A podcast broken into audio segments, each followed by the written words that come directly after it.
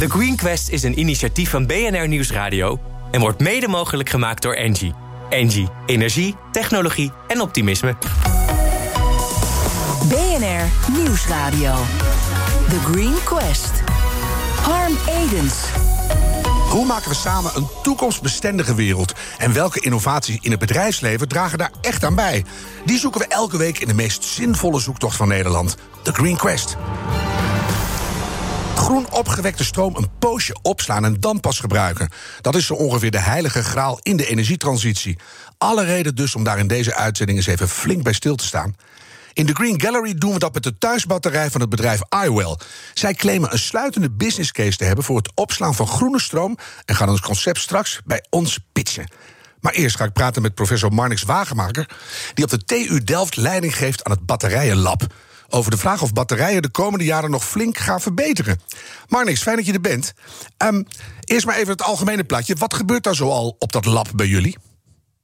Uh, nou, heel veel natuurlijk. uh, nou, we doen vooral uh, fundamenteel onderzoek. en dat onderzoek is echt naar de batterijen van de toekomst. Ja, die eigenlijk nog heel veel belofte hebben, maar nog niet genoeg werken. Mm -hmm. En wij proberen nou ja, eigenlijk te ontdekken wat er zoal misgaat. Om dan met nieuwe oplossingen te kunnen komen. Ja. Um, nou, we werken ook wel samen met bedrijven die, die al onderdelen bijvoorbeeld van batterijen maken of hele batterijen. Om die te helpen met hun probleem. Want we zijn vooral goed in het in batterijen kijken op een uh, hele kleine schaal. Mm -hmm.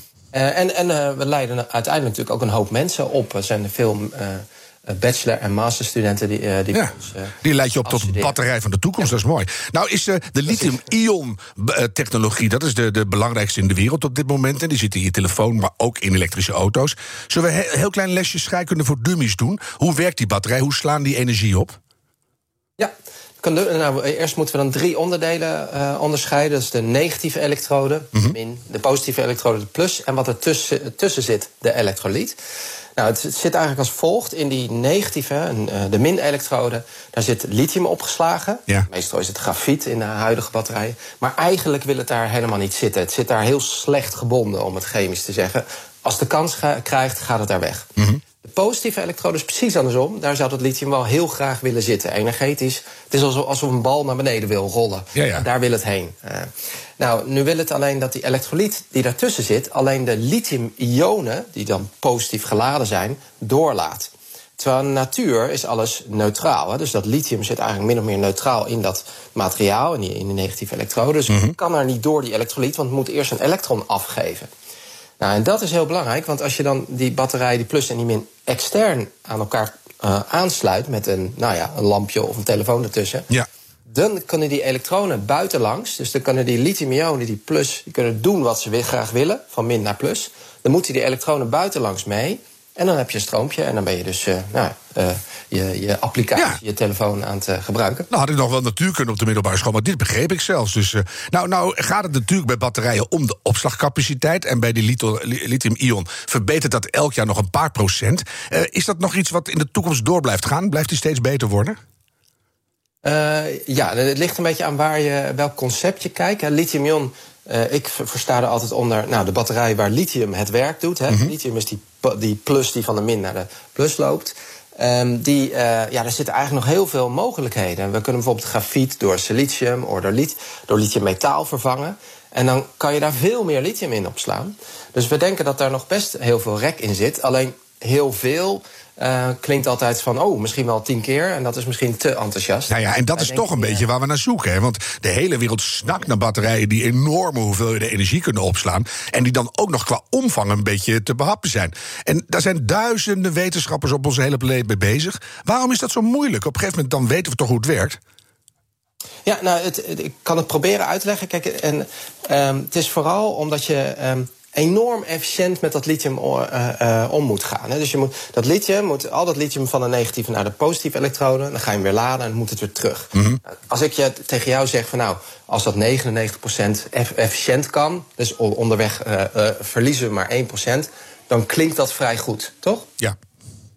Nou, maar. dat is dus heel slecht. ja, zie je. 150, in 100 keer uh, op- en ontladen is die batterij kan nog maar 25% van zijn energie opslaan. Omdat Ja. je 0, eh, 99% van 99% van eh, et, cetera moet doen. En we moeten het dus zo goed maken dat het 99% punt 999% wordt. En dat doen jullie dus allemaal in dat lab bijvoorbeeld. Heb je een paar voorbeelden, eh, concrete dingen waar je op dit moment mee aan het werk bent? Dat je zegt dat dat eh, geeft hoop voor de toekomst. Eh ja, zeker. We zijn veel, eh, doen veel onderzoek naar vaste stofbatterijen. Mhm. Dus daar is die elektrolyt is ook een vaste stof. In de huidige batterij is dat een vloeistof die het ook brandbaar maakt. Ja. Dus als je een batterij ergens in de fik eh, ziet staan, ja, dan komt dat door de vloeibare elektrolyt. Mhm. Eh, en die zijn we aan het vervangen. En dat, dat geeft een aantal mogelijkheden. De- Die batterij wordt veiliger, maar we kunnen er ook nog meer energie in stoppen. Ja, en dat is uiteindelijk veiligheid, is ook belangrijk. Maar die, die opslagcapaciteit, hè. Eh, kan je dan al spreken van een batterij die ook geschikt wordt voor langdurige opslag? Dat je de hele winter doorkomt bijvoorbeeld, want dan komen we ergens. Ja, nou, ik denk dat batterijen daar helemaal niet geschikt voor zijn. Eh, ja, dus die, die, eh, die, die, eh, ja, ja, dat wil ik alvast uit de lucht halen. Ja. Kijk, ik, eh, eigenlijk, eh, batterijen zijn heel sterk als je ze vaak moet gebruiken. Dus bijvoorbeeld elke dag laden omdat de zon schijnt... en s s'nachts weer ontladen omdat je de elektriciteit nodig hebt. Ja.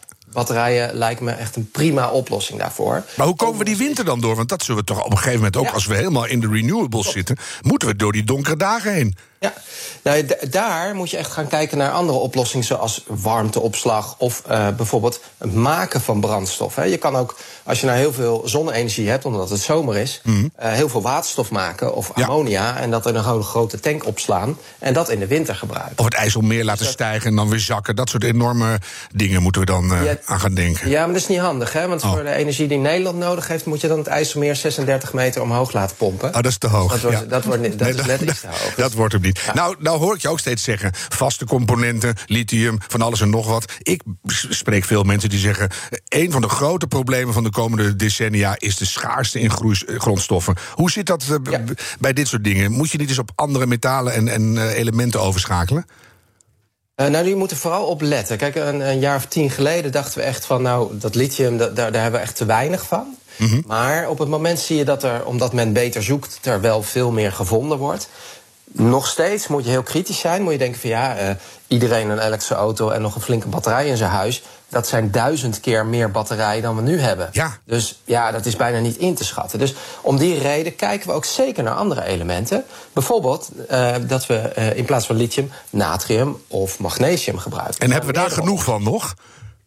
Nou, natrium, dat is, na- natriumchloride is zeezout. Ja, Dus daar, daar hebben we echt een, eh, nou ja, oceanen vol van, om het maar zo te zeggen. Dat klinkt goed. Eh, magnesium, eh, magne- magnesium is ook geen enkel probleem. Dus we kijken dan juist inderdaad naar, naar ja, elementen die juist voorradig zijn. Ja, dat zijn goede dingen. En als je dan jullie even in het rijtje van elders op de wereld zegt... ik neem aan dat ze in Silicon Valley ook als een gek aan het onderzoeken zijn... en in China bijvoorbeeld. Ehm, zit, zit Delft een beetje in de top 5 wereldwijd van mensen... die echt het verschil gaan maken de komende tien jaar?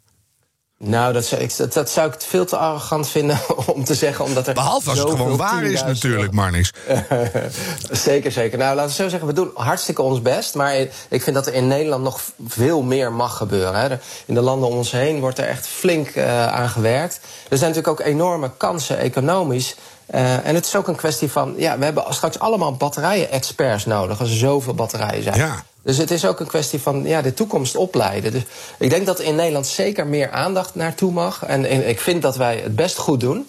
Maar eh, ja, je moet kritisch zijn en altijd beter willen. Ja. Eh, maar ja, ja we, we, we zijn echt wel wat, eh, zitten echt wel achter wat doorbraakjes en hopen ons, nou, ons steentje te kunnen bijdragen. Ja, maar dat vind ik toch belangrijk zo vlak voor de verkiezingen. Dat je zegt van jongens, daar in Den Haag... Hè, eh, ga ons gewoon eens helpen met die volgende doorbraken. Want dat gaat zich uiteindelijk gewoon terugbetalen.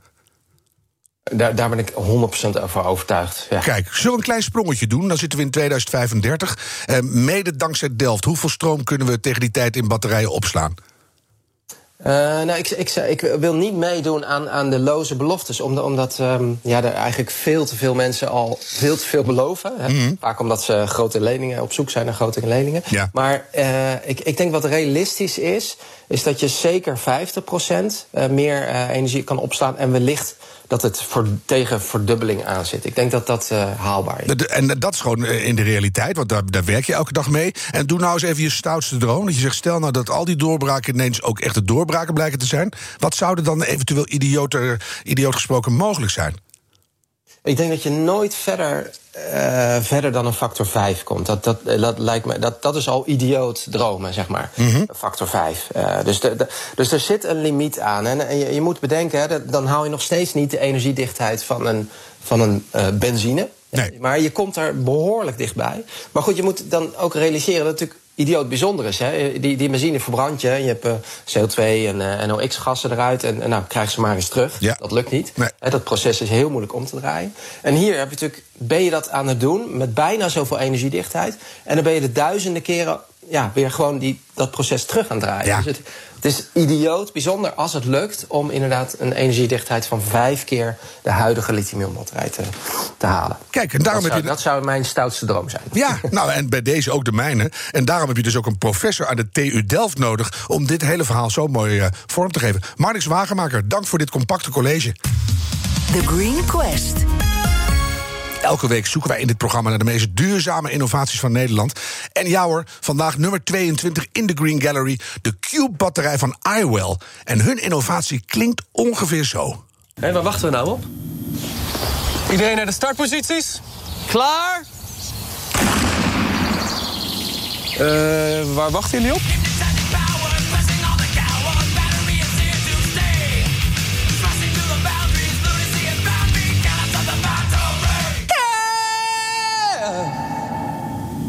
En waar wachten we nou op? Laat de zon werken voor jouw groene energie. De batterij van iWell slaat het voor je op. Zodat jij bepaalt wanneer je het gebruikt. Onafhankelijk, slim, groen. Waar wacht jij nog op?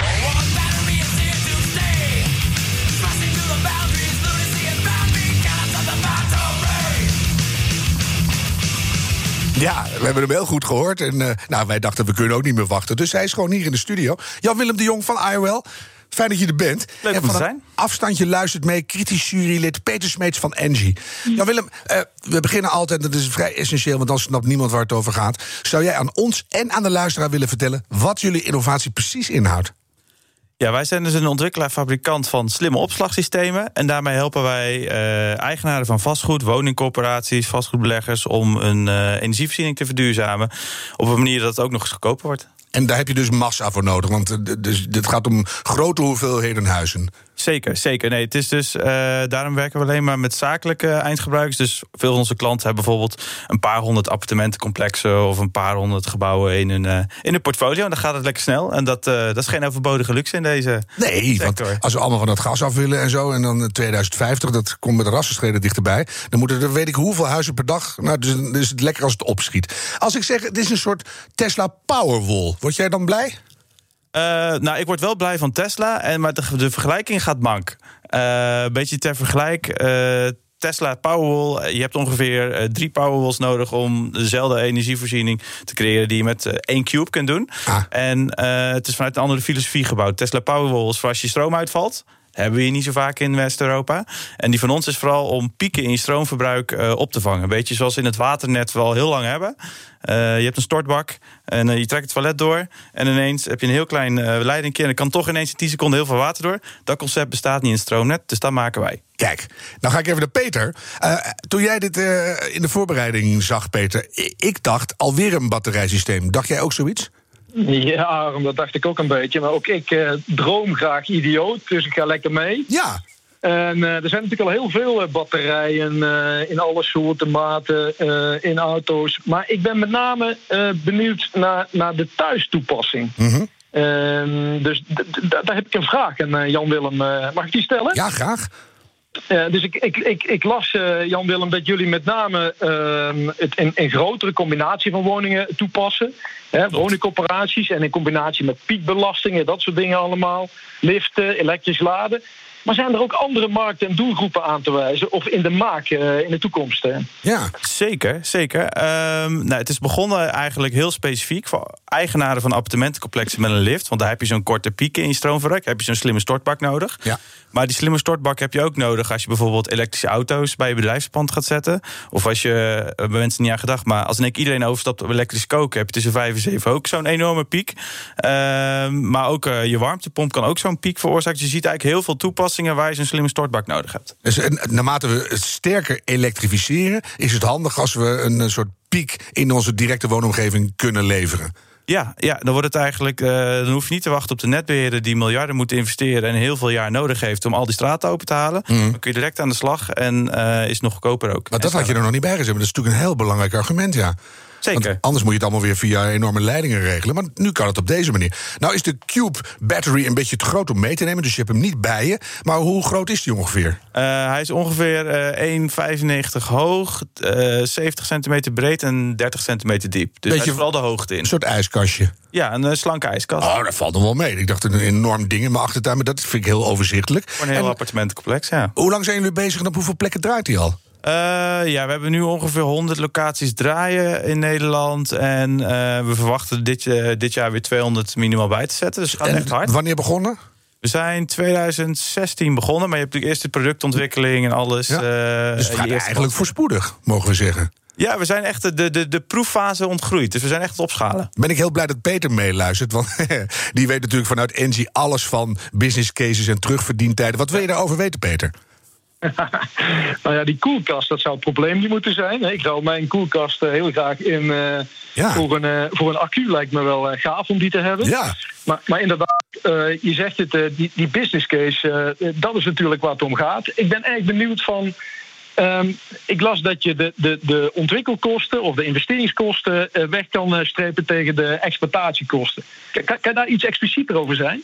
Klopt. Het verdienmodel aan zich. Ja. Huren, huren, kopen, terugverdienen, et cetera. Nou ja, eigenlijk het verdienmodel is uit een aantal onderdelen bestaat het. Eén, je zonnestroom opslaan voor het moment dat je de zonnestroom nodig hebt. Levert niet zoveel op. Is wel heel goed voor het milieu. Twee, uh, die pieken eruit halen. Nou, dan kun je dus bijvoorbeeld voor een klein verbruik van een 3 keer 80 ampère naar 3 keer 25 ampère bespaart je 2000 euro per jaar. En drie, op het moment dat je die eerste twee dingen niet doet, kun je je stroom, uh, kunnen al die cubes met elkaar verbinden als één grote virtuele energiecentrale en het stroomnetwerk buiten het gebouw stabiliseren. En dan krijg je gewoon ook een paar euro's voor uh, van de netbeheerders. Mag zeggen, want die hoeven veel minder miljarden in de grond te spitten. Dus dan, daar kan je een deal mee maken. Ja, dat doen we al. Zeker. Oh, wat ja. leuk. Wat vind je ervan, Peter? Ja, ja dat klinkt heel goed. Ja, ja. Jeetje. Uh, en als je dan doorredeneert dat we in de toekomst allemaal naar lokaal grid moeten. en dat het eigenlijk allemaal heel anders wordt uh, als we aan de renewables gaan. dan zijn jullie toch, ik zei het in het begin, een soort puzzelsluitstuk. Nou, eigenlijk zijn wij het, het sluitende stukje tussen uh, iedereen die met warmtepompen, elektrisch rijden uh, en pieken in zijn stroomverbruik aan de slag moet. En dat is bijna iedereen die wil verduurzamen. En je ziet ook al dat we daarom met eigenlijk alle grote netbeheerders in Nederland samenwerken. Omdat je ook zien, ja, nou, laatste voorbeeld, moet 11 kilometer kabel gelegd worden omdat iemand een paar zonnepanelen op zijn dak wil leggen. Ja. Dat kost een paar miljoenen. En wij lossen het op uh, voor, door een batterijtje te vuren. En heel plat gezegd.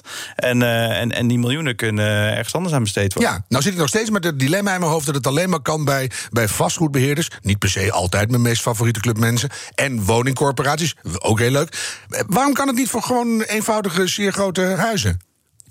Alles kan. Ik bedoel, als je wil betalen, kan het. Maar wij kijken ook waar kunnen we nou het snelste schaal maken. Dus dat zijn bij klantgroepen die veel uh, vastgoed in hun bezit hebben. Dat is, dat is één. En twee, je ziet ook bij huishoudens, dan uh, ben je nog vooral afhankelijk van de salderingsregeling. Mm. Uh, dat is voor zonnepanelen kun je stroom terugleveren. En eigenlijk gebruik, misbruik je het net dan eigenlijk als een soort batterij. Wat heel veel goeds gebracht heeft, omdat de zonnepanelen aantallen zijn enorm hard aan het groeien nu. Maar op een gegeven moment ook een rem wordt op diezelfde transitie. Want uh, het net is helemaal niet geschikt om als batterij gebruikt te worden. Is heel duur, heel kostbaar. En uiteindelijk dus vertragend uh, voor de energie. Ja. en kostenverhogend. Nee, dat heeft dus eigenlijk alleen maar te maken. Wat kost dat ding van jullie en hoe snel verdien ik hem terug? Ja. Want anders zou je per wijk van een stad of van een dorp kunnen zeggen: hé, hey, wij beginnen daar vast mee en we, we, koppelen het aan elkaar. En we... Ja, maar dat doen we dus ook. Dus we hebben nu, daarom werken we ook met woningcorporaties. Je hebt bijvoorbeeld een.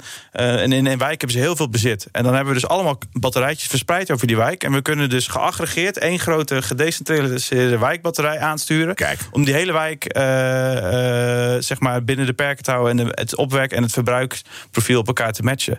En uh, daar wordt het goedkoper van. Weet ik nog steeds niet wat zo'n ding kost. Uh, daar hangt er vanaf. Als je hem huurt, is het vanaf 110 euro per maand. en, uh, ik wil ja, er gewoon een hebben dan kost die rond de vijf, iets meer rond 15.000 euro. Oh, dat is nog wel een bedragje, ja. Ja, voor 35 woningen en appartementencomplex is ook alweer te overzien. Ja, nee, maar als je dat allemaal in je buurt wil... Ik heb er ook weer één nu. Hè. Zit je al op Clubhouse? Ja, en ik heb een Cube. Ja. Dus uh, dan... Uh... Nee, maar oh, het belangrijkste is... Kijk, zeker als je hem huurt... Het is gewoon vanaf jaar één hou je er geld aan over.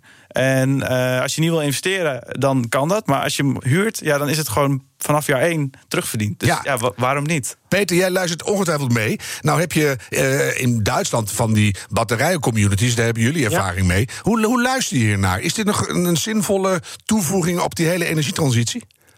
Nou, lijkt me wel. In Duitsland uh, lopen ze wat voor uh, op dit vlak. Daar kennen we de, de zogenaamde zonnenbatterie, een, een soort community uh, die is gaan groeien. Mm -hmm. En ik vroeg me af of we dat in Nederland ook zouden kunnen realiseren, met z'n allen.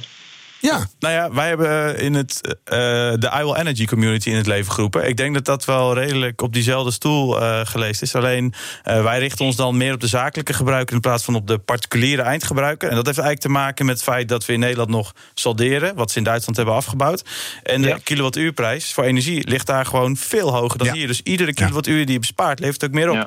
Dus kiezen wij voor pieken verlagen, zonnestroom opslaan en het stroomnetwerk stabiliseren. Als jij dat zo hoort, Peter, heb jij het gevoel dat dit uh, echt hoopvol is in Nederland? Hebben we er in uh, 2035 allemaal of in combinatie eentje aan de muur hangen?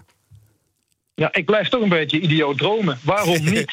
ja. uh, mij, mij, lijkt het gewoon gaaf dat, dat we een soort van community uh, creëren... waarbij iedereen thuis zo'n ding in de garage heeft hangen. Ja. En, en dan denk ik, daar wil je toch bij horen. Dat, dat, dat, wil je op feestjes toch delen met je vrienden, dat je dat thuis ook hebt. Ja, en dat je dan niet de, rondleiding naar de babykamer doet... maar gewoon even naar de, naar de schuur. Heb je ja, een cube al gezien? Ja. ja. ik vind het mooi.